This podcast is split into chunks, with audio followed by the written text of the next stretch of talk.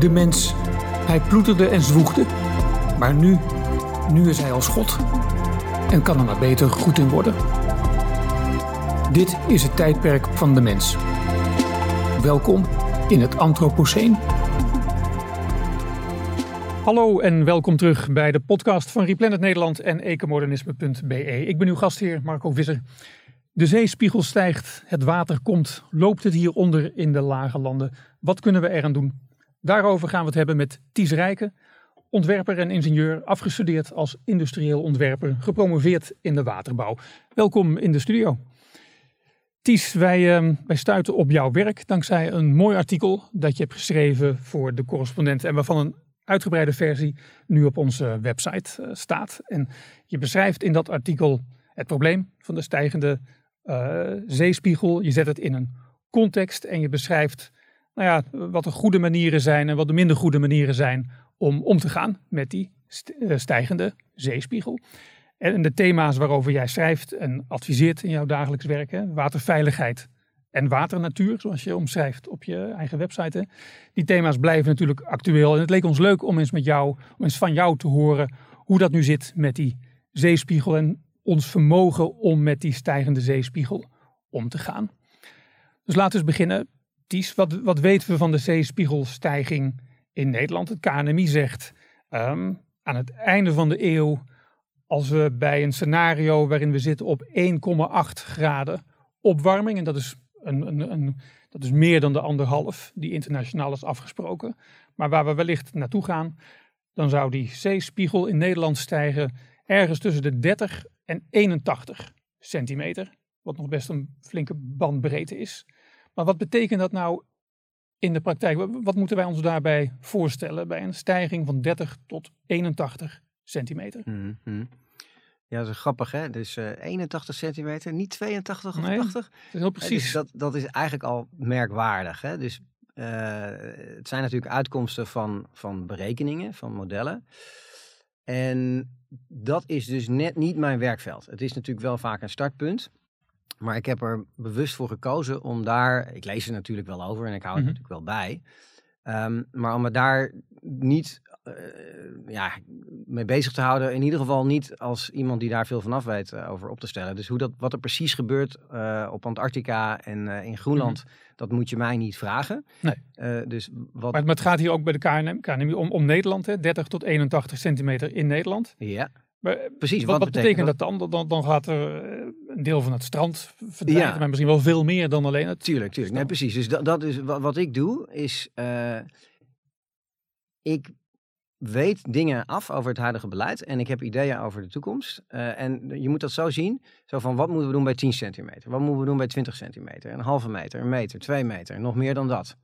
Hè? Dus, dus, en dan hoe snel dat dan gaat, ja, dat zien we nog wel. Mm -hmm. Hè? Uh, uh, ik, we hebben dat niet voor het zeggen. Uh, niemand kan dat precies voorspellen. Maar wat handig is om te weten, is van wat kosten dingen per meter zeespiegelstijging, per decimeter mm -hmm. zeespiegelstijging.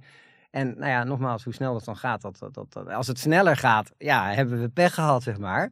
Is het vervelend. En als het ja. langzamer gaat, is het beter. Het klinkt een beetje in het, in het ergste scenario, die 81 centimeter stijging. in 2100, dan hebben we dus over 10 centimeter in 10 jaar. 1 ja. centimeter per jaar. En het zal niet precies zo lopen. Tuurlijk. Waarschijnlijk gaat het met name tegen het einde van de eeuw opeens een stuk sneller. Right. Maar is dat, is dat te behappen? 10 centimeter in 10 jaar? Ja, nee, dat vind ik zelf altijd wel makkelijk om mee te werken. Met 10 centimeter per decennium. Um, is dat te behappen?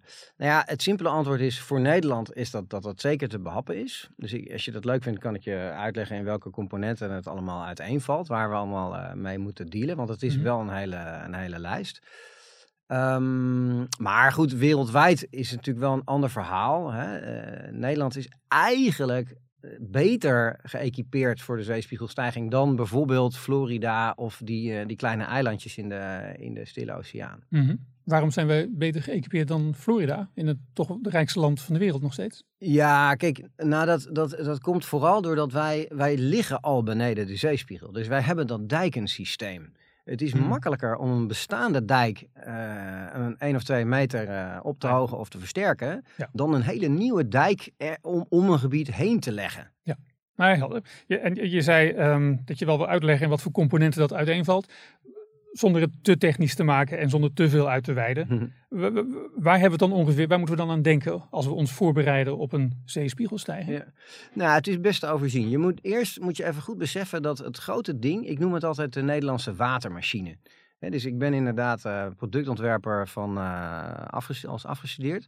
En, en wij, eh, hè, dus nu dat ik, eh, zeg, ik denk, zeg ik wel eens dat ik de grootste producten dat je zo'n beetje kan voorstellen, dat is een, eh, een apparaat de grootte van Nederland. Hè? Er zijn nog wel een paar van dat Mhm. soort apparaten in de wereld. In Californië heb je ook zo'n apparaat dat van San Diego tot aan Noord-California zeg maar, samenhangt.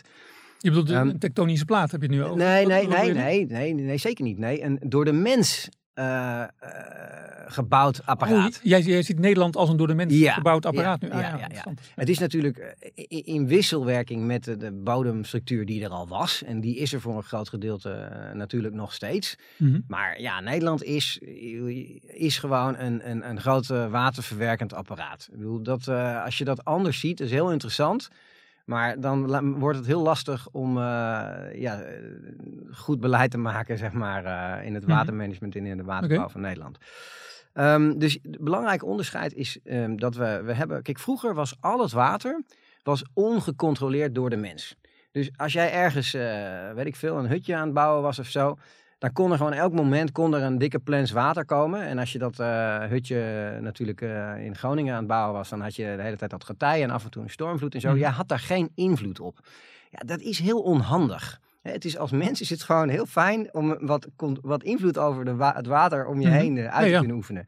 En de, de laatste tijd is het wel eens in de mode om dan te zeggen van ja, we moeten meer ongecontroleerdheid van het water accepteren of zo. We moeten vaker natte voeten Mhm. accepteren. En wat ik een keer gedaan heb, toen eh, was er een gezelschap waarin we het daarover hadden. En toen goot ik een glas water, zoals dat hier nu ook staat, Ja. goot ik zo hop over de, over, eh, de vergadertafel heen. Nou, de voorzitter die had het niet meer, weet je. Ik moest dat gewoon opruimen en dat kon ik toch niet maken. En toen zei ik, jongens, dit is nog maar één glas.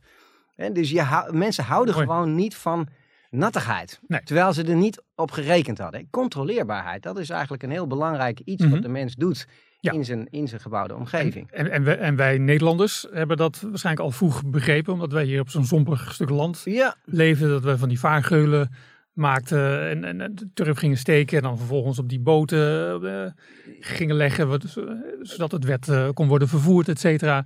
Wij Nederlanders hebben daar wel iets mee, misschien meer dan in andere gebieden ook. Nou, sterker nog, wij hebben daar een, een, een, een powerhouse mee opgebouwd. Mhm. Dus juist het feit dat we dat water hadden waar we met boten over konden varen, waar we mee naar Duitsland konden varen en eh, de hele wereld mee over konden varen.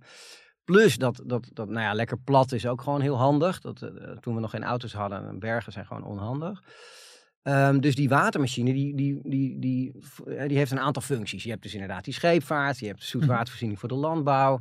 Eh, je moet niet overstromen. eh, we moeten tegenwoordig natuurlijk ook de natuur faciliteren. En dan moet een beetje een mooi landschap zijn. Dat zijn zo de vijf hoofdfuncties. Mhm. Nou, en, en, en eh, terug naar hoe zit dat nou met die zeespiegelstijging? Dus een belangrijk onderscheid is, je hebt dus gecontroleerd water en ongecontroleerd water.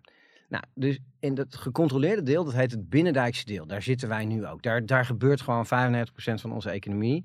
En waar we wonen en zo, dat vindt zich binnendijks af. En dan moet je maar eens kijken in de slootjes die je om je heen ziet. Dat waterpeil, dat verandert eigenlijk nooit. In de winter gaat het soms een keer 10 centimeter omlaag. En in Mhm. de zomer misschien een paar centimeter Mhm. omhoog. Dus, eh, maar verder fluctueert dat niet. Nou, dat is helemaal niet natuurlijk. Dat doen wij, dat hebben wij mensen allemaal zo ingericht. Dus met, met waterlopen, stukjes berging en gemalen, die, die houden dat allemaal op Mhm. peil.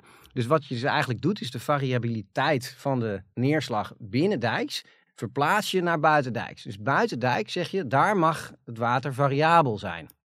Hè, dus op de grote rivieren, dat kunnen wij niet controleren. Dat komt vanuit Duitsland binnen. En dat hangt gewoon af van de neerslag die in het hele stroomgebied van de Rijn Mhm. plaatsvindt. En de zee kan je ook niet, kunnen we ook niet controleren. Er kan een stormvloed komen. Dus gecontroleerd en ongecontroleerd. En daartussenin liggen dijken, sluizen, stormvloedkeringen en gemalen.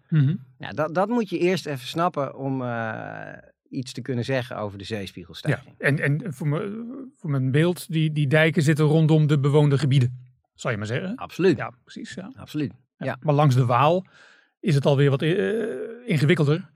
Omdat je daar aan de oeveren van de Waal of de Maas, noem, maar op, waar, al die rivieren in Nederland binnenkomen. Daar is het gevoeliger voor overstromingen, wat we, natuurlijk ook recentelijk nog uh, hebben gezien in Limburg bijvoorbeeld. Mhm. Oké. Uh, in... En, en, en, en dan ja? loopt het soms wel de bewoonde wereld in. Want we kennen ja. vooral de beelden van de Limburgers die, die met emmers water lopen te klooien. Ja. Om het water uit de kelder of uit de gang uh, te. Ja, te nee, de, de, je zou kunnen zeggen er zijn eigenlijk drie hoofdgebieden. Dat zijn de, uh, de buitendijkse gebieden die onder invloed staan van de rivieren en de zee. Dus daar hoort bijvoorbeeld ook, de uiterwaarden horen daar bijvoorbeeld ook Ja. bij. Hè? Dat zit er ook bij. Dat is ook buitendijks, maar dat Ja, is ja. geen water. Dan heb je het binnendijkse deel onder zeeniveau. Maar dan is er ook nog een deel van Nederland dat ligt boven zeeniveau. Dus dat is Twente, Achterhoek en Limburg. Dat in eh, watertermen zijn dat beekdalsystemen. Het zijn een beetje flauwe dalen in vergelijking met Zwitserland.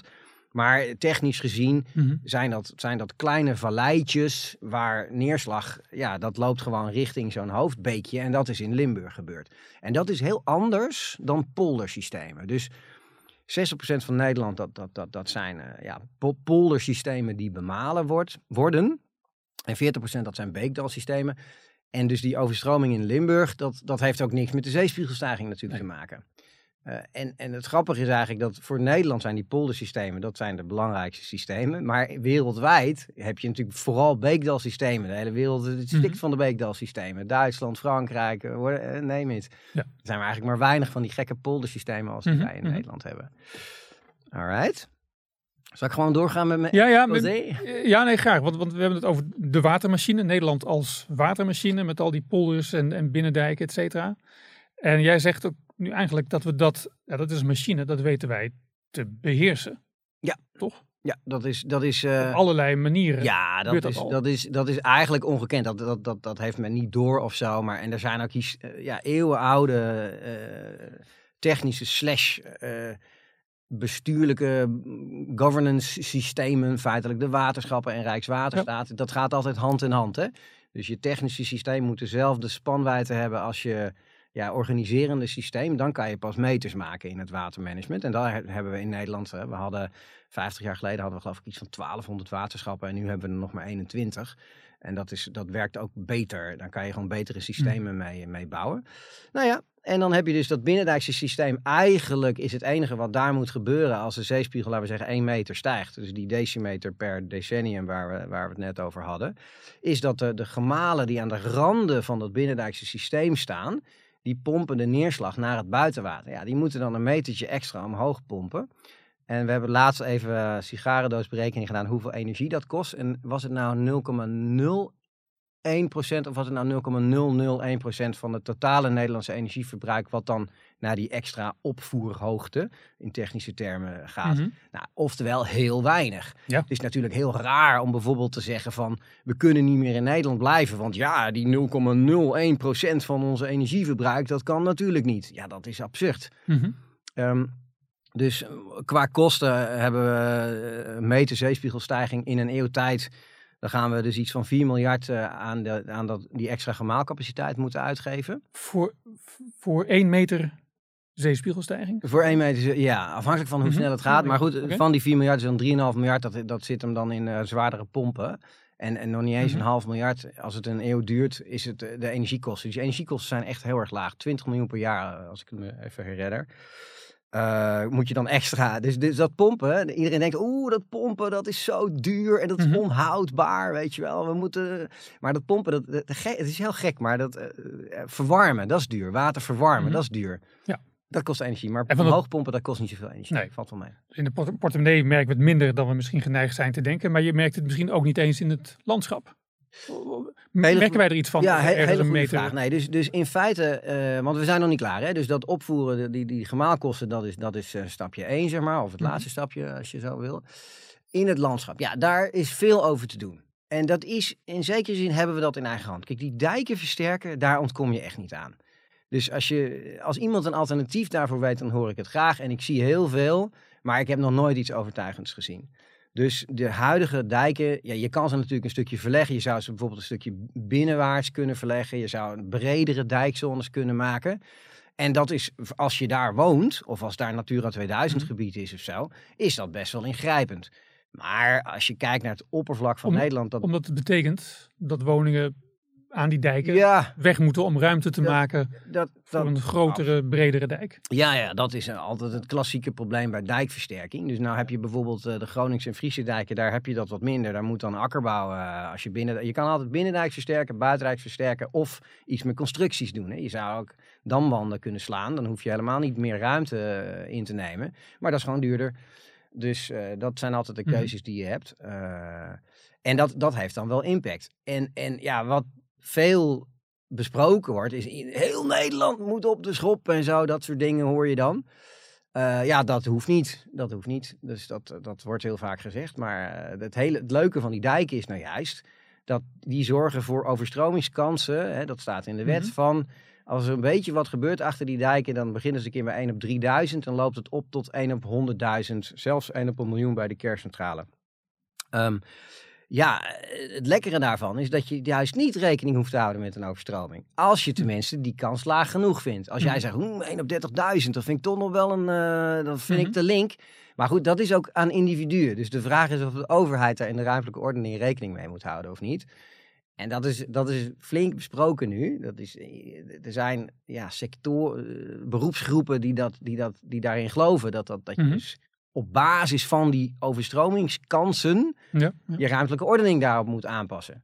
Ja, persoonlijk zeg ik, dat hebben we nou juist 200, 300 jaar over gedaan, dat dat niet meer hoeft. Mhm. Dus als jij ergens een school wil bouwen of een ziekenhuis wil bouwen, dan mag je dat doen waar, dat, waar die school nodig is, waar het ziekenhuis nodig is. En dan hoef je geen rekening met die overstroming, mogelijke overstroming te houden. Mhm. Of die zeespiegel nou stijgt of niet.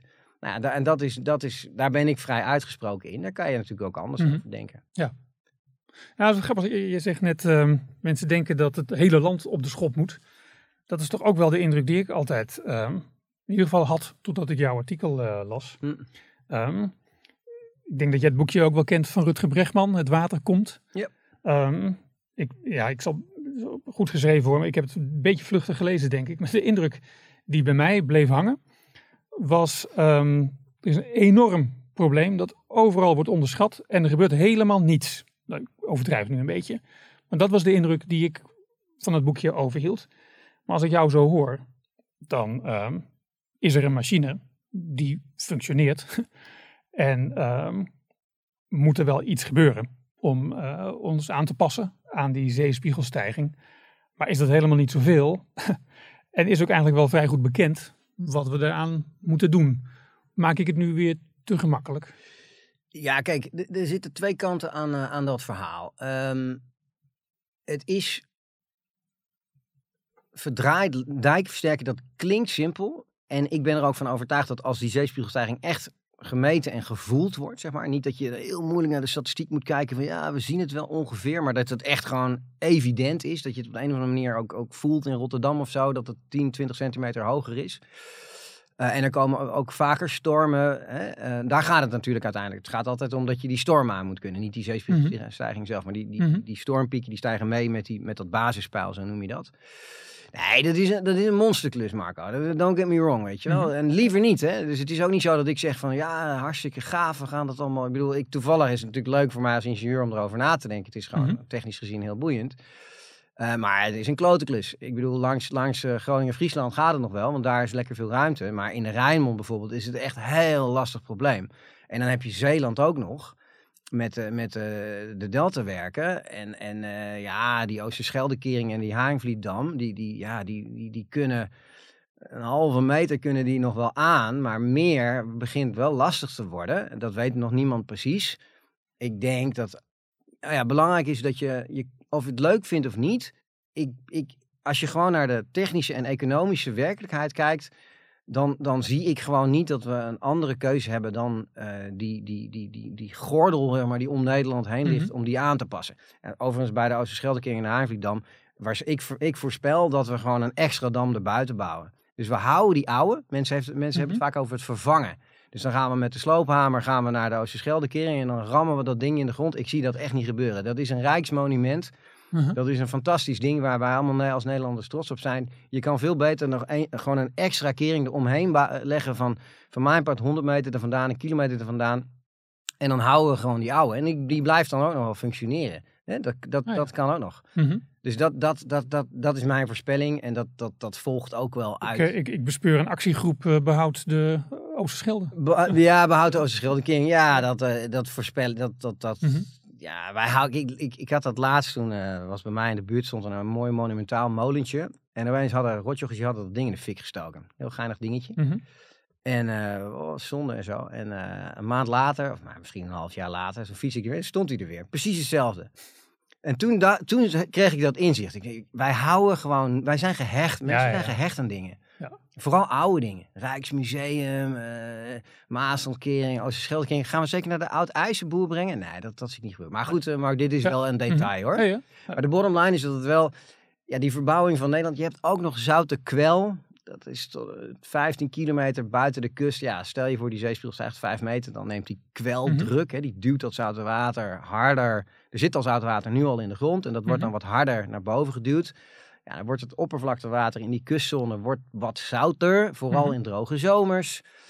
En ja, wat doe je dan? Dat is, dat is, dat is ook een klote probleem eigenlijk. Hè? Ja. Van, eh, moeten we dan meer gaan doorspoelen? Maar ja, dan heb je minder zoetwater. Ja, misschien dat bepaalde planten daar dan niet meer kunnen groeien. Ja, dat is vervelend. Hè? Mhm. Dus het is het geen reden, eh, volgens mij, om Nederland eh, te verlaten. Of weet ik veel wat je nog zou Mhm. kunnen doen. Ja. Maar dat is ook nog, speelt ook nog mee. Ja. Een paar dagen geleden kreeg ik een e-mailtje van Greenpeace. Oh. Ik, ik lees voor. Beste supporter, kan jij ook zo genieten van de Noordzee? We hebben geluk in Nederland dat de zee altijd dichtbij is. Voor toekomstige generaties willen we dat de zee dat blijft. Een plek om uit te waaien en de golven te horen. Helaas wordt de zee steeds meer een zorg dan een uitlaatklep door de nog altijd groeiende uitstoot van broeikasgassen door grote vervuilers kunnen onze kinderen en kleinkinderen deze eeuw al kampen met een zeespiegelstijging van bijna 1 meter. Dat is vermoedelijk die KNMI-studie van 30 tot 81 centimeter in eh, 2100 bij een opwarming van 1,8 graden. Ehm, wat kan je verwachten, schrijft eh, Greenpeace. En hoe kunnen we deze zeespiegelstijging voorkomen? Dit linkt naar een, eh, een artikel dat meteen eh, vrij dramatisch begint eigenlijk. Ze hebben het over de ijskappen van Groenland en Antarctica. Bevatten samen genoeg water om de zee 64 meter te doen stijgen. Daar- dan schrik je je natuurlijk een hoedje, maar ehm, er is waarschijnlijk geen realistisch scenario dat die ijskappen van Groenland en Antarctica toch ook werkelijk allemaal zullen smelten en dat er een zeespiegelstijging van 64 meter zou zijn. Kun jij me geruststellen? Hm, hm, hm. Ehm, Of is dit een lastig eh, ding, omdat ik ook wel weet dat jij niet achter deze modellen... Nee, dat is niet mijn vakgebied. Hè? Maar, en en wa- wa- wat de oproep is dus. De, de- het is dus Nou- de oproep is om te stoppen, om, om te minderen met CO2-uitstoot. Dat is- Nou, daar komt het uiteindelijk op neer inderdaad. Want als ik het e-mailtje of het artikel vervolg, als we alles op alles zetten om de CO2-uitstoot terug te dringen, dan houden we de grootste risico's binnen de Ja, perken. En dit raakt aan een discussie die al veel langer leeft over ja, wat dan mitigatie versus adaptatie heet. En Oh ja. eh, waar jij volgens mij ook over nagedacht hebt. En mitigatie is het, zijn al onze pogingen om te proberen om de CO2-uitstoot terug te dringen, zodat we meer mondiale opwarming kunnen voorkomen. Adaptatie is eh, ja, het, het aanpassen hè, aan, aan de opwarming die er al is, de klimaatverandering die er is en die er nog altijd eh, zal komen. Ehm, als het gaat over water, nou, over de watermachine, ehm, die is denk ik met name op adaptatie gericht. Klopt dat? Ja, nee, dit is een belangrijk punt. En sommige mensen hebben mijn verhaal dat dus twee componenten heeft. Het eerste is, het is dus te betalen een paar meter zeespiegelstijging. En eerlijk gezegd denk ik dus ook, eh, zelfs tientallen meters is mijn voorspelling. Dat we dat ook nog steeds zullen, technisch zullen blijven... Tientallen ja, meters? Ja, dat Ja? is wat ik denk, ja. Ik zal je dat zo uitleggen, maar eerst Ja. even terug naar het verschil tussen adaptatie en mitigatie. Hè. Eh, er zijn mensen die mij dan in de mond hebben gelegd, eh, en ik kan er nog steeds kwaad over worden, eh, dat ik daarmee wil zeggen van dus Nederland hoeft niet te doen aan mitigatie. Want hè, mijn totale berekeningen, dus je had dat, dat, dat, dat malen, die dijken, kustfundament heet dat dan, en Mhm. buitenrijkse havens en zo kom ik dus op, laten we zeggen even voor het gemak, 100 miljard voor een meter. Dus dat is dus 1 miljard per, ja, eh, per, per 10 centimeter. Wat zeg ik? Per centimeter. Dus per jaar. Hm. Als het, als het een eeuw duurt, is het dus, dat rekent lekker makkelijk. hè? Mhm. Dus een eh, 100 miljard per eeuw, een miljard per jaar. Weet Ja. je wel? Een centimeter per jaar. Ja. Nou, een miljard per jaar is natuurlijk, eh, als je kijkt, dat is natuurlijk van ten opzichte van de BNP, is het, is het eh, eh, eh, minder dan eh, is 0,1 procent. Mhm. En ehm, ten opzichte van bijvoorbeeld de omzet in de bouw is het, is, het, eh, is het ook een paar procent of zo, weet je wel. Dus dan moet dus onze bouwapparaat moet een paar procent moet aan die zeespiegelstijging. Mhm. Ja, dat is natuurlijk allemaal prima te doen. Eh, liever niet, weet je wel, maar goed. Maar goed, nu eh, moet je dan natuurlijk niet, ik zeg natuurlijk niet van het is een cookie en eh, maakt niet uit. En laat staan, je moet niet aan mitigatie doen. Dat is, in Mhm. feite is het zelfs, ik ik heb een tof eh, audiocollege geluisterd van eh, Herman Philipsen, de, de, de Ja. filosoof, ethicus. ja. Die zegt, ja, dat is immoreel eigenlijk, als je dat zou zeggen. Daarmee zeg je gewoon van, eh ik, ik en de rest kan stikken. Want hè, dus mitigatie, dat is een wereldwijd vraagstuk. Het is absurd om te zeggen van, wij moeten in Nederland aan mitigatie doen, want wij moeten die zeespiegelstijging zien te voorkomen. Mhm.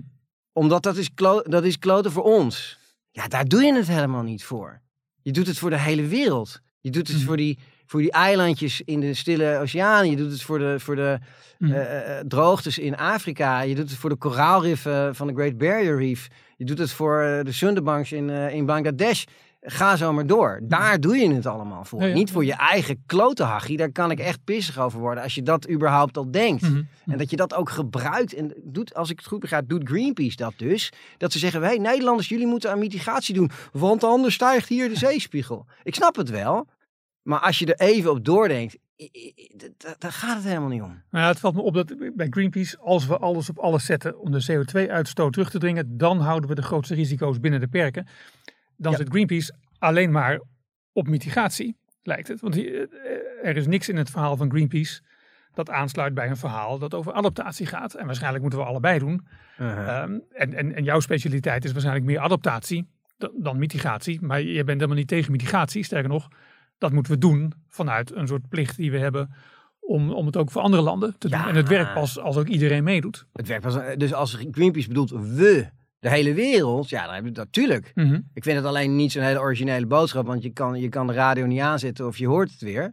Weet je wel? En, en, ehm, ehm, en het, het is trouwens ook niet zo dat ik aan adaptatie doe, omdat ik eh, op een goede dag eens een keer ben gaan zitten en dacht van, eh, god, welke wereldproblemen zijn er allemaal? Eh, ik zie adaptatie als het grootste probleem en daar ga ik me mee bezighouden. Zo is het natuurlijk Mhm. niet gegaan.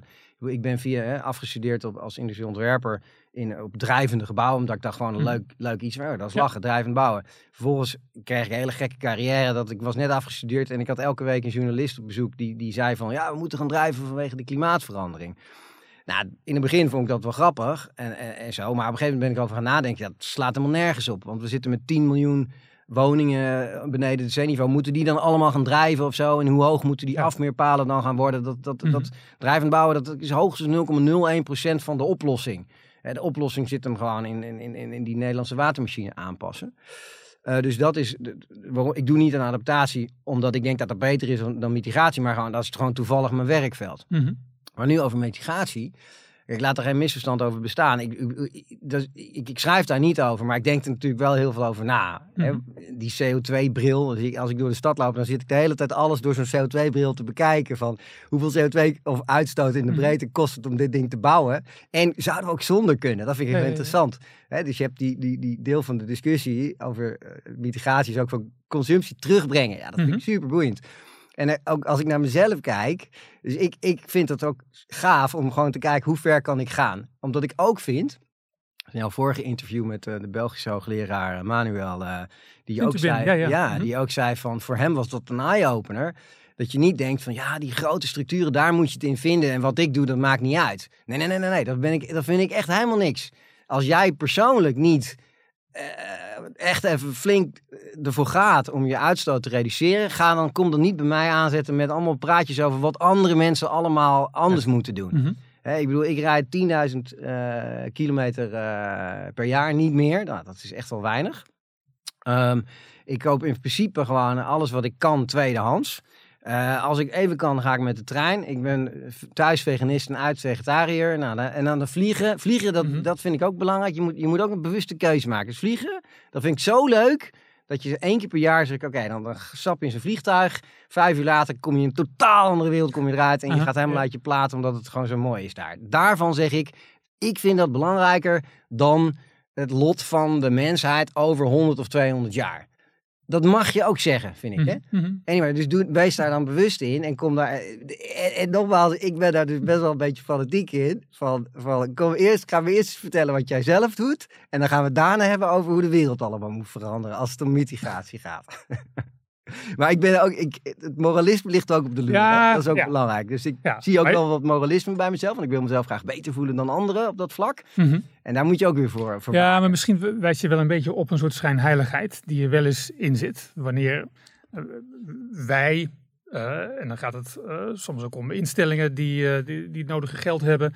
En waar mensen werken die, die het goed voor elkaar hebben. En wij vertellen aan de rest van Nederland hoe zij het dan precies moeten doen en wat zij moeten opgeven. En dat zij de wereld niet eh, over moeten reizen. Wat gezegd door iemand die zelf al veel van de wereld heeft gezien, bijvoorbeeld, toch Ja. altijd weer anders klinkt dan wanneer je zelf eh, gewoon eh, 17 bent en eh, om je heen kijkt en denkt, goh, ik zou wel eens eh, de wereld willen verkennen. Toch? Ja, ja dat, dat maakt het, ja, dat, dat vind ik, dat maakt het zo- zo'n zo'n eindeloos fascinerend vraagstuk. Hè? Dus, dus daarom denk ik er ook zoveel over na. Van ja, die, die, ik bedoel, mijn overtuiging is dat, dat de wereld draait zoals die draait, omdat het een optelsom is van, van allemaal mensen die, die, die behoeftes hebben die ze proberen te bevredigen. Dat, dat, Mhm. dat is het basis, hè, de, de basis van alles. En, en ja, de mens heeft zo'n ja, onverzadigde honger naar van alles nog wat. Er zijn maar weinig mensen die als ze meer gaan verdienen, dat ze ook dat ze dan toch aan hun bestaande materiële niveau blijven. Hmm. En het meest extreme is een vriendin van mij die werkt bij een bedrijf en die bouwen dus jachten voor de allerrijkste van de wereld. Mhm. En die, die klote dingen die kosten dus 150 miljoen euro per stuk. En die liggen dus ergens in een een of andere haven een beetje te dobberen. Totdat die mensen daar misschien een paar keer per jaar een tochtje op gaan Ja, maken. ja. Ik bedoel, dat is absurd. En zover gaat de mens dus. Hè? Dus het is heel makkelijk ook om in dit mitigatiedebat naar die rijke mensen te wijzen. En ik vind dat ook, daar moeten we ook echt naar kijken. Want Mhm. ik, ik fietste Ja. laatst langs de villa. Ik denk, dan kan je denken, oh wat mooi dat je daar woont. Maar ik denk, ja, hoe kan je nou jezelf toch in de spiegel kijken en gewoon in zo'n groot huis wonen en dat moeten verwarmen met drie auto's voor de deur. Er komt dus een ethisch gezien, komt er een Mhm. nieuwe dimensie aan het sociale ongelijkheidsvraagstuk. Hè? Van, van, van, kan je dat nog wel verantwoorden eh, met gezien de klimaatverandering? Maar nou gaan we dus buiten mijn vakgebied, Marco. Maar dit vind ik dus eindelijk. Nee, maar dit is ook leuk, toch? Ja. En iedereen heeft toch, maakt toch ook dit soort afwegingen. En, en vaak is het waarschijnlijk zo dat je je eigen leven vergelijkt met anderen in jouw eigen netwerk. Die zijn zoals jij. En eh, probeer je je eigen gedrag natuurlijk goed te praten. Dus ook die, die mensen die dus 150 miljoen euro voor een jacht Ja. over hebben. Die vinden dat zij nog matig zijn Ja. misschien. Want hun miljonairsvrienden hebben een Ja. jacht van 250 Ja, ja, ja, ja, ja, miljoen. Of die, of die gaan wel tien keer per jaar. Eh, Die, Ja. die doen, ja, het is maar net waarmee je jezelf vergelijkt. En- En voor jezelf is het natuurlijk altijd goed jij gebruikt. Jij gebruikt precies de hoeveelheid energie die jij nodig hebt. Bij andere mensen die ja, verspillen. Ja, die verspillen. Ja, precies. Ja, precies. Nee, dat, dat, dat, dat, eh, ja, dat, dat zag ik ook in meerdere podcasts van eh, Welkom in het Anthropoceen terugkomen. Dat, dat vraagstuk van, zijn altijd die andere mensen, hè? Ja. Over die bevolkings, bevolkingsgroei. Van- Andere mensen hebben te veel kinderen. Ja, mensen die zeggen van, eh er moet be- bevolkingsgroei, moet, eh, minder bevolking komen. Nou ja, waarom pleeg je geen zelfmoord dan, weet je wel? Dus ik bedoel, dat gaat dan wel heel ver. Maar Mhm. Mhm. dat, zijn, dat zijn hele boeiende, hele boeiende dingen. Ehm, ja, joh. Hey, we hebben het over Nederland met name eh, gehad natuurlijk. Eh, en dat is begrijpelijk, want wij zitten hier in, eh, in Nederland. En uit jouw verhaal maak ik op dat we het in Nederland de zaakjes toch redelijk voor elkaar hebben. Wij kunnen die zeespiegelstijging wel aan. Maar dat geldt niet voor een aantal andere plekken. Je hebt ook al eens verwezen naar de eilandjes in de, eh, wat is het, de Stille Stuitzee. Ehm, Bangladesh noemde je ook. Bangladesh is natuurlijk ook een land dat onder, zee, onder het zeeniveau ligt. Ehm, wat kunnen, ja, Ja. hoe gaat het met het lot van, van deze eilandjes en, en van Bangladesh, waar eh, hoeveel miljoen eh, mensen wonen? Ja, ja, ja, ja, dat is. eh, kijk, het is, het is ellende, hè? Dus, dus ehm, eh, ik geloof er wel in dat, je, dat de klimaatverandering dat we dat moeten tegenhouden om allerlei redenen, dus ecologisch gezien, maar ook wel dat het gewoon kosten, baten, technisch gunstiger is om die transitie te maken en, en minder adaptatiekosten te moeten maken. Hè? Die sommetjes worden ook wel gemaakt trouwens. Hè? Mhm. Eh, er zijn ook mensen die, die, die zeggen dat dat helemaal geen goede kosten-batenverhouding heeft. Dat is heel interessant. Zo moet je wel kijken. Vind ik. En- Maar dat, maar dat is toch ook logisch dat verschillende mensen daar verschillende ideeën over hebben? ja, dat- die Je modellen... kijkt, naar een, je, je kijkt naar, naar een rekensom en dat komt uit op een bepaalde bedragen. En de een vindt dat veel en de ander vindt dat weinig. Maar dat is, dat is ook hoe het moet gaan, toch? Je moet de feiten hebben, Ja, ja. maar die kun je verschillend interpreteren. Nou, en die feiten lopen ook nog wel heel erg uiteen. hè. Ik bedoel, in het werkveld waarin ik zit, eh, kom, krijg ik natuurlijk veel met modellen te maken. En die, die grote modellen om eh, feitelijk een afweging te maken van jongens, eh, wat kost het om te mitigeren? En welke adaptatiekosten sparen we ons daarmee uit? Ja, dat, daar, dat, dat zijn hele grove modellen. Ik heb ook wel eens, die, die global models heet dat. En als, je dan, ik- als ik een global model studie zie, dan kijk ik altijd even hoe zit dat met Nederland. En daar klopt geen hout van wat daar, hoe Nederland daarin is gemodelleerd. Want dat is dan één gridcelletje, zeg maar, in dat global model. Mhm. Of misschien nog wel samen met België is dan één, één, één gridcel, eh, ja, flauw gezegd.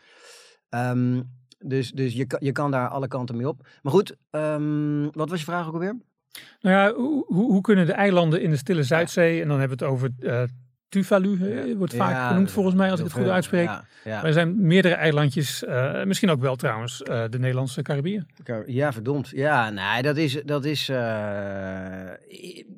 een vriend van mij die, die adviseert daar inderdaad in. En ja, dat is een beetje van met een meter kan je nog wat klooien. Met, met je breakwaters eh, en, en, en, en aanlegstijgers voor schepen. En, maar vaak zijn die eilanden hartstikke plat. Of, heb je in, ja, of, of Mhm. zijn dat van die vulkanische eilanden. Ja. En dan, ja, dan, dan ben je gewoon. eh, als het, eh, dan ben je gewoon een stuk van je kust kwijt. Of je moet er een kade omheen leggen. Ja, het ziet er niet uit. Nee, dat is, dat is, eh, dat is ellende. Mhm. Het is natuurlijk wel zo, ja, als je Bangladesh of voor mijn part eilanden gewoon zoals Corsica of zo, een bergachtig eiland. Het zou me niks verbazen dat als je dan, eh, als je daar een stukje van je kust kwijt bent, ja, dat is echt vervelend, want dan heb je natuurlijk allemaal eh baggetjes en Mhm. aanlegstijgertjes en huisjes en zo. Ja, die ben je kwijt. En dat kost geld. Maar ten opzichte van de hele economie van Corsica denk ik dat het, dat het nog best wel te doen is. Hè? Mhm. Ik bedoel, de Tweede Wereldoorlog heeft geloof ik volgens Piketty de helft van het vermogen van de vermogende mensen gewoon weggevaagd. Vooral de inflatie in die, in die periode, in, dat, Mhm. in, dat- in die hele decennia van, van de Eerste tot Ja. met de Tweede Wereldoorlog. Maar ook de oorlog zelf. Dus de mens kan wel ja, een klap, eh, ja, nou ja, goed. eh, Maar liever niet. Liever niet, liever niet, weet je wel. En, en Bangladesh, ik heb geloof ik ook begrepen dat het hoeft ook niet een soort van nekslag te zijn of zo, hè, voor Bangladesh. Dat, dat, geloof ik, dat geloof ik ook niet. Maar ja, het is, ja, het is, het is Nou, Bangladesh is waarschijnlijk ook weer anders dan, dan, de eilanden. Maar ja. daar ben je het wel, wel som- somber over, het lot van de, van de eilanden. Die, die ten onder kunnen gaan. Maar, kunnen wij met al onze Oh ja. kennis, al onze expertise, kunnen we daar niet Ja. aan de slag om, om eh, die landen te helpen? Of, of moeten we eh, ge- gebieden aanwijzen waar de mensen naartoe Waar, waar ze dan Kunnen, ja. ja, ja. Nou, dat, ehm, oh, wij hebben trouwens ook onze eigen eilanden. Wij hebben ook de Waddeneilanden. En, en als je dus kostenbaten, naar kostenbaten Mhm. gaat kijken, dat is trouwens wel een leuke eh, exercitie die ik heb gedaan. Eh, ik heb gekeken naar stukken Nederland. Wat kost het om ze uit te kopen? Hè, dus dus eh, Manuel van, uit België, de hoogleraar, Mhm. die had het ook al over terugtrekken uit Nederland. Dat vangt hij dan ergens op en dat onthoudt hij dan. Ja. Eh, dat, dat, dan, heeft hij, ja, dan heeft hij dus de watermachine niet daar een helder beeld van. Behalve dan de Waddeneilanden. Want nou, dus als je kijkt van, stel je voor, we kopen een gebied uit. Hè, want, want als je zegt terugtrekken, la la la, kan. Dat, wat je dus Mhm. vraagt van mensen is om ze een huis in Duitsland te kopen of in Tsjechië, weet ik veel waar. Maar dan Ja, kan je je huis in ook- Nederland niet verkopen. kan ook in Twente of de Achterhoek. Twente of de Achterhoek, Ja. Ja. Maar, maar, maar dan kan je dus in, je kan je huis dat je achterlaat, kan je niet verkopen. Want iedereen gaat weg en, en dat Mhm. gebied wordt, wordt prijsgegeven. Ja, dat, dat, vanuit die behoeftes van mensen, dat kan gewoon niet. Dus mensen gaan dat niet doen. Dat, dat- dan, dan richt je ze ten gronde. Dus dat kan alleen maar met een financiële injectie vanuit bijvoorbeeld de Europese Unie of een, een of andere IMF Mhm. of zo. Maar ja, als je even gaat, dat is dan een 5 triljoen of zo moet je dan eh, voor Nederland neerleggen. Dus als je, want als je naar die waarde kijkt en je vergelijkt die waarde die je dan zou moeten uitkopen, wie dat dan ook betaalt, Mhm. met de kosten om dijken te versterken, dan kom je, dat noem je een break-even punt, noem ik. Dat is even een gedachte-experiment. Dan kom je dus voor heel Nederland, dus voor, voor West-Nederland, Randstad en zo, kom je op 150 meter. Dus pas bij 150 meter zeespiegelstijging kost het evenveel om een waterkering te bouwen, Mhm. dan om het gebied dat het Ah. beschermt uit te kopen. Ja. Zoveel is het gebied dat je beschermt waard. Ja. Nou, als stel je voor je zou alleen maar Groningen en Friesland doen. Je legt de dijk dus een heel stuk terug naar het zuiden. Dan zit je op 50 meter. Maar voor de Waddeneilanden kom ik dan op 1 à 2 meter. Dus een, een meter voor Vlieland, 2, 2,5 meter voor Texel. En dat is natuurlijk wel heel interessant. Van, ja, wat gaan we dan doen? En Omdat dan, de vraag komt, of eigenlijk eh, Ja. de stemmen zullen gaan klinken om Bes- Vlieland op te geven. Nou ja, dat is in ieder geval een afweging die je wat mij betreft gewoon... eh, die discussie moet je wel voeren met Mhm. elkaar. Dan kom je natuurlijk met solidariteit en zo. En een verschil tussen Vlieland en Vanuatu is dat Vlieland heeft al een ring eromheen. Dus stel je voor, je zou die ring met de duinen aan de noordkant en een dijkje eh, aan de Mhm. zuidkant. Zo zitten al die Waddeneilanden in elkaar. Je zou die aanpassen voor 1, 2, 3, 4, 5 meter zeespiegelstijging. Dan voelt Vlieland nog steeds een beetje zoals het altijd voelde. Maar als je zo'n ring om Vanuatu heen gaat maken. Ja, dan verander je natuurlijk de hele feel van zo'n eiland. Mhm. Dus eh, ja, ik heb ook geloof ik, het laatst las ik dat zij, eerst was eh, Parijs was 2 meter, of 2 graden. En toen is dat teruggebracht naar anderhalf graad onder druk van die eilandstaatjes. Maar goed, eh, dus Mhm. daar zit helemaal geen eh veel. achter. Ja, ik denk niet eh, dat ze zoveel politieke macht jawel, hebben. Dat, nou, dat kunnen. eh, dat, maar anyway, werkt, maar, eh, ja. eh, bronnen, bronnen onbekend, dus wat heb je Ja. eraan. Maar goed, eh, Marco, dus dat... eh, Maar ik snap Ja. natuurlijk wel de mensen die in West-Nederland wonen. En nu alvast om zich heen kijken en naar de achterhoek zouden verhuizen. Maar toch ergens in het achterhoofd. Ja. Ja, dit Ja. zal niet eh, 20, 30 jaar lang goed blijven. Laat ik nu weggaan. En dat is een beetje een prisoners dilemma heb je dan waarschijnlijk. Want als iedereen dat gaat doen, dan heb je een, een probleem. mm, Eh, dan zal het niet mogelijk zijn. Maar op individueel niveau kun je dat soort overwegingen maken. Maar je schrijft ook in je artikel ehm, dat het erom gaat dat we vertrouwen moeten hebben in die watermachine. Vertrouwen in onze instituties, in de, in de waterschappen. en Maar ook in de ingenieurs die hiermee bezig zijn. En vertrouwen hebben dat zij zorgen dat wij wel beschermd zullen zijn. Zodat je niet zo'n rare vlucht uit het, eh, uit het westen zult krijgen. Ja, ja, geen blind vertrouwen natuurlijk. En ik, ik wil het zelfs nog breder trekken dan dat, Marco. En dat vind ik ook wel een leuk bruggetje naar het ecomodernisme. Ehm, dat, dat, dat, kijk, ehm, het enige mechanisme waarmee ik zie dat het echt fout gaat met de klimaatverandering en met de zeespiegelstijging, is dat we dat vertrouwen en masse kwijt zouden raken. Mhm. Hè, dus, dus we zitten natuurlijk met die, met die rare homo sapiens die dus deze, die, die, die wonderlijke technotoop heeft gebouwd waar we nu eh, met z'n 8 miljarden op leven. En ehm, de, de, de kracht die er van de individuen uitgaat, eh, in de zin dat, dat mensen eh, voor hun eigen hachie leven, zichzelf opleiden, de wereld proberen te begrijpen, eh, van elkaar houden, Mhm. en daar elke dag weer voor uit hun bed eh, stappen. dat, dat, dat levert een, een, een, een kracht op die dus nu een geologische kracht is. Hè? Mhm. Dat is Ja. het hele concept van het antropoceen. Ja. Ehm, als, als je er niet... Het is volgens mij, iedereen moet een keuze maken. Vertrouw je erop dat wij dat op lange termijn... dat we er iets van bakken met elkaar? Of niet? Hè? En dat vind ik toch wel... Ja, de, de, de klassieke ecologische beweging... Ik, ik zie dat, ik zie dat. Dus ik, ik, ik, dat vertrouwen, dat hebben ze dus op de een of andere manier. Dat, dat Mhm. zie ik dan niet. Maar wat er dan wel, wat er dan voor in de plaats komt. En wat we dan doen met, met, met de 90% van de wereld die niet eco-minded Mhm. is. Daar krijg ik dan geen antwoord op. En dat vind ik dus interessant bij het ecomodernisme. Dat, dat, dat, dat, eh, dat, je, dat je, nou ja, laat ik het anders zeggen, dat, dat, dat, dat, dat je dus erop vertrouwt. Of dat vertrouwen terecht is, dat is toch de volgende vraag. Maar je, moet, je hebt toch geen andere keus dan dat je, dat Nee, je dat- erop vertrouwt. Nee, daar ben ik het wel Dat, mee dat, eens. dat Maar het niet instort. Ja, maar aan vertrouwen moet je wel, eh, het vertrouwen moet wel verdiend worden natuurlijk. Dus je moet er wel mee bezig blijven. Eh, een beetje vergelijkbaar is misschien eh, ehm, het idee dat ecomodernisten eh, geloven dat alles met techniek kan worden opgelost. Hè, de, de technofix. Ehm, nou, ik geloof ook echt wel dat eh, technologische oplossingen ons ver hebben gebracht en nog veel verder kunnen brengen.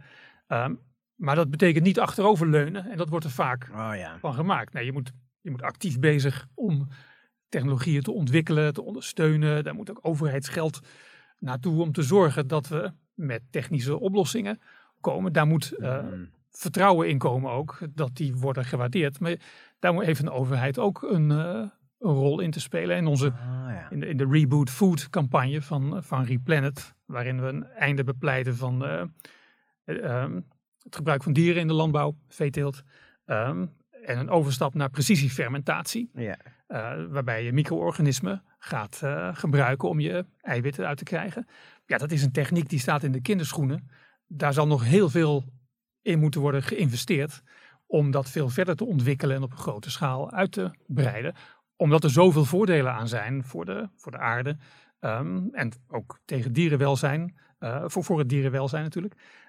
denk ik dat het ook een zaak is van de overheid om daar veel meer mee, uh, mee bezig te zijn dan er op dit moment uh, gebeurt. Ja. Dus precisiefermentatie is ook zo'n voorbeeld van een techniek die een fantastische oplossing kan bieden. Ja, ja, maar eh, op geen enkele manier moeten we dan achterover leunen. Zoals we ook niet achterover moeten leunen bij, en, en constateren dat er wel vertrouwen moet zijn in, in de instituties. Want die moeten wel werken aan dat vertrouwen. Begrijp je wat ik bedoel? Ja, zeker. Ja, kijk, en dat, dat het, het, het systeem wat we nu hebben draaien, dat, dat, er zijn allemaal instituties die allemaal um, hopelijk bevorderend werken op elkaar. Dus je hebt de overheid, je hebt de, de, de, de uitvinderswereld waar ik me dan wel uh, mee verwant voel. Maar je hebt bijvoorbeeld ook de journalistieke uh, kracht. Die is altijd wat negatiever en wat Heb ik ook geen enkel vertrouwen in. Uh, maar van de andere kant, die kaarten wel dingen aan. En die mentaliteitsverandering die, die op, op, op consumentengedrag mm. moet komen, die, daar, daar zijn journalisten natuurlijk ook, spelen daar natuurlijk ook een rol in. Dus dat achteroverleunen, ja, dat is inderdaad typisch iets wat niet, wat, dat, dat, dat, dat is ja, het vertrouwen is bij gratie van dat al die homo sapiens dus de hele tijd maar bezig zijn met na te denken over dingen en dingen te verbeteren. Ja, sommige mensen niet, die zitten alleen maar te gamen, weet je wel. Maar daar heb ik het dan uh, even niet mhm. over. De kracht van de homo sapiens zijn die, dat bepaalde deel, dat, dat, dat, dat probeert zichzelf in eerste instantie beter te maken, maar ook, ook steeds meer de grote mhm. structuren die we hebben. Um, maar is het dan misschien zo um, dat wij nu, in, zeker in Nederland, al niet meer zo goed weten hoe dat zit met die watermachine, hoe mhm. dat werkt. En dat we dus denken dat er helemaal niks gebeurt. Dat er eigenlijk helemaal geen wateringenieurs oh zijn, bij wijze van spreken. Ja. Maar moet er dan veel ah, meer worden, worden uitgelegd van, uh, nou, beste Nederlander, ja. wij leven onder de zeespiegel. U heeft vast wel eens gehoord van die stijgende zeespiegel. Ja, nou, ja, ja, Dit is wat er uh, hoe de situatie is. Dit is hoe eraan gewerkt wordt. Ja. Zou, zou dat helpen? Of, of zijn mensen er helemaal niet in geïnteresseerd? en zijn ze geïnteresseerd om er een beetje zorgen over te maken? Ja, ja, ja. ja. Nou ja, Marco, op zich, dat, wordt, dat hoor je vaak. Hè? Het waterbewustzijn is laag en zo. Maar toevallig zit ik hier toch wel weer bij jou uh, in een podcast uh, die ook uh, voor het grote publiek bedoeld is. Miljoenen en zometeen miljoenen publiek, alsjeblieft. En zometeen ga ik uh, een, uh, een fantastische lezing geven op een basisschool voor een klas van uh, kinderen van 7 en 8 jaar. Ja. Weet je, dus daar word ik dan. Dat, dus zij doen dan wel een project over water. Dus ja, hoeveel dat waterbewustzijn er nou is en hoeveel niet, dat, dat, dat wil ik nog even hmm. vanaf blijven. Wat ik trouwens ook wel onderdeel van ons complexe systeem vind. Van, van je hebt zo'n maatschappij en je hebt al die instituties en dan heb je grote dingen zoals water, energie en zo je, ik vind juist niet dat iedereen dat allemaal moet snappen. Het is juist ook wel handig, dat is die specialisatie die wij ongekend hebben doorgevoerd in de afgelopen eeuwen. Dat er ook dossiers zijn. Ja, jij snapt daar gewoon niet zoveel van, maar je vertrouwt in die, in die politicus die je hebt aangesteld. En mhm. die stuurt een, een, een, een apparaat aan van deskundigen en ingenieurs. Um, en en uh, ja, als je daar toch niet, als je overal zelf wat van af moet weten, waarom moet dat? Dat, dat ja, dat burgerinitiatieven en zo, dan moet je opeens, moet, het is juist handig dat mhm. iedereen kiest een, een of ander specialisme en daar richt hij zich dan op. En daar heeft hij zijn professionele werkveld in. En daarnaast heeft hij nog wat hobby's en wat dingen die hij interessant vindt. Maar waarom moet je mhm. overal over meepraten? Nee, ik, ik, ik ben het helemaal met je eens dat uh, juist specialisatie ons zover heeft gebracht. En het ook makkelijk is om uh, iets over te laten aan de mensen die er verstand van hebben. Uh, meer, iets meer op mijn vlak van de energietransitie zie je natuurlijk hetzelfde. Eindeloze discussieavonden over, uh, hoe we de energietransitie gaan maken. Terwijl je zou ook kunnen zeggen, ja, laat dat lekker aan de experts over en we mhm. horen het wel. Uh, bedankt en tot ziens. Um, maar wanneer mensen zich wel zorgen maken over bepaalde thema's, over energie en uh, klimaatverandering, over die stijgende zeespiegel, dan moet het toch wel een plek zijn waar je kunt komen voor gedegen informatie, waar je gewoon goed wordt bijgepraat. Dat je ook, ehm, en, en dat je je laat uh, geruststellen, dat je je laat overtuigen door de kennis van de experts Ja. die jou vertellen hoe het dan nu zit. En, maar, maar het lijkt soms wel Mm, alsof mm. eh, een bepaald slag mensen, laat ik het zo zeggen, Mhm. eh, daar niet zo in geïnteresseerd is. En niet zo geïnteresseerd is om te horen hoe het nu werkelijk zit en wat eraan gedaan wordt. Oh ja. Maar zich op een bepaalde manier comfortabel voelt bij het volgen van het verhaal. Dat er een heel groot probleem is Oh ja. waar iets aan moet gebeuren. Ja, ja, en niemand doet er iets aan en niemand heeft het Oh, erover. ja, precies. Begrijp je wat ik bedoel? Ja, ja, ja. En ik vraag me nog steeds af Ja, ja, ja. waar dat dan vandaan komt. Ja, dat is- mensen? Nou, dat is volgens mij ook wel, ja, wat is dat, een sensation economy of zo, hè? Dat is ook wel waar we in leven. Ja, en dat, ik vind dat het ook wel eh, zijn functie heeft, eh, moet ik zeggen, die, manier van denken. Want het, ik, ik kan wel zeggen van, eh, nee, eh, de Nederlandse watersector, die, daar, daar, zit, daar werken een hoop mensen en daar zitten structuren tot aan de Tweede Kamer met normeringen die wettelijk verankerd zijn. En daar zit de, klima de zeespiegelstijging zit daar ingebakken. Dus dat, dat gaat allemaal zelf. Maar nee, het gaat niet vanzelf. En, en eh, ja, hoe komt beleid tot stand? Dat, dat is een, het is een mix van dat, dat mensen die er verstand van hebben, die maken meestal kosten-batenanalyses. En die zeggen van nou, kijk eens, eh, als je deze investering maakt, dan eh, verdien je die terug. Dus je bent wel gek als je Mhm. het niet doet. Maar ja, dat, dat is niet genoeg. Hè? Er moet ook politieke aandacht voor zijn. Er moet maatschappelijk eh, draagvlak voor zijn. En ja, dat, dat zijn hele grillige eh, processen. Hè? De, Mhm. de- de- die, die bekende paper over het doormodderen, hè? muddling through. Ja, dat is een complex geheel van journalisten die, die op de tamtam slaan. eh, Bestuurders die dat ook doen, en terwijl ze er eigenlijk niet zoveel verstand van hebben. Deskundigen die, eh, die, die, die dan weer hun, hun input leveren. Ja, en dan, en dan gebeurt er hopelijk wat. Maar het is natuurlijk wel zo dat er ook nog allemaal andere sectoren zijn die ook allemaal zeggen van ja, dit gaat helemaal mis en we moeten mitigatie doen en we moeten aan armoedebestrijding doen en we moeten aan eh, uitstootreductie doen en, en het gaat maar door. En ik vind het wel heel boeiend in de tijd waar we nu in leven dat we willen met z'n allen echt heel erg veel. En daarom werkt iedereen zich ook helemaal op het. We hebben- De meeste mensen hebben natuurlijk last van hoge werkdruk. En dat is ook omdat we want dan heb je die, die publieke, dat het publieke domein. Maar in het privé-domein willen mensen ook weer van alles. Ik liep net hier naartoe en dan- staat er dus zo'n advertentie van een of andere klojo die dan ehm, online gaming. Dus dat doen we ook nog steeds. Er is dus gewoon iemand die, die in anno 2023 denkt, wat zal ik eens met mijn leven gaan doen? En die gaat dus een online gaming, of nee, online gambling. Online gambling. Online gokken. En dat mag dus blijkbaar. En er zijn allemaal mensen die daar dan aan meewerken en die dat financieren en die dan opkomen draven als daar reclamespotjes voor worden gemaakt. En het allerergste is natuurlijk dat er waarschijnlijk 10.000 mensen zijn die dat dan nog gaan doen. Dus, dus de mensen echt, hoe die in elkaar zitten, hoe alles in elkaar grijpt. Heerlijk Nou ja, is het eigenlijk. heerlijk om- ja, ik-. Het is heerlijk om over na te denken. Behalve als jouw kind ehm, eh, online gambling verslaafd is. Of als je bijvoorbeeld Mhm.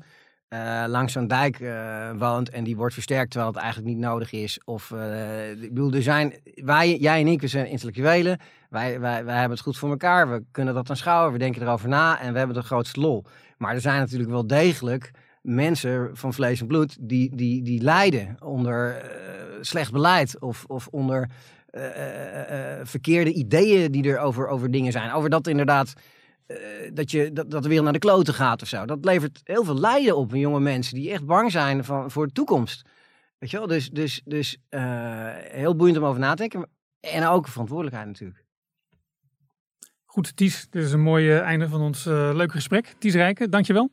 Ehm, Leuk om te doen, Marco. Dank je. En luisteraar, u bedankt voor het luisteren. Ga even naar de website van, eh, van Ties om meer te weten te komen over zijn werk. Eh tiesrijken.nl. En Rijken is met, eh, met CK. Eh, ehm, voor meer afleveringen van deze podcast kunt u zich abonneren via ons kanaal op bekende platforms als Spotify, Soundcloud, YouTube, etc. Deze podcast is een samenwerking van Replanet Nederland en ecomodernisme.be. Grote dank aan Roman van Ree voor de techniek. Tot de volgende keer.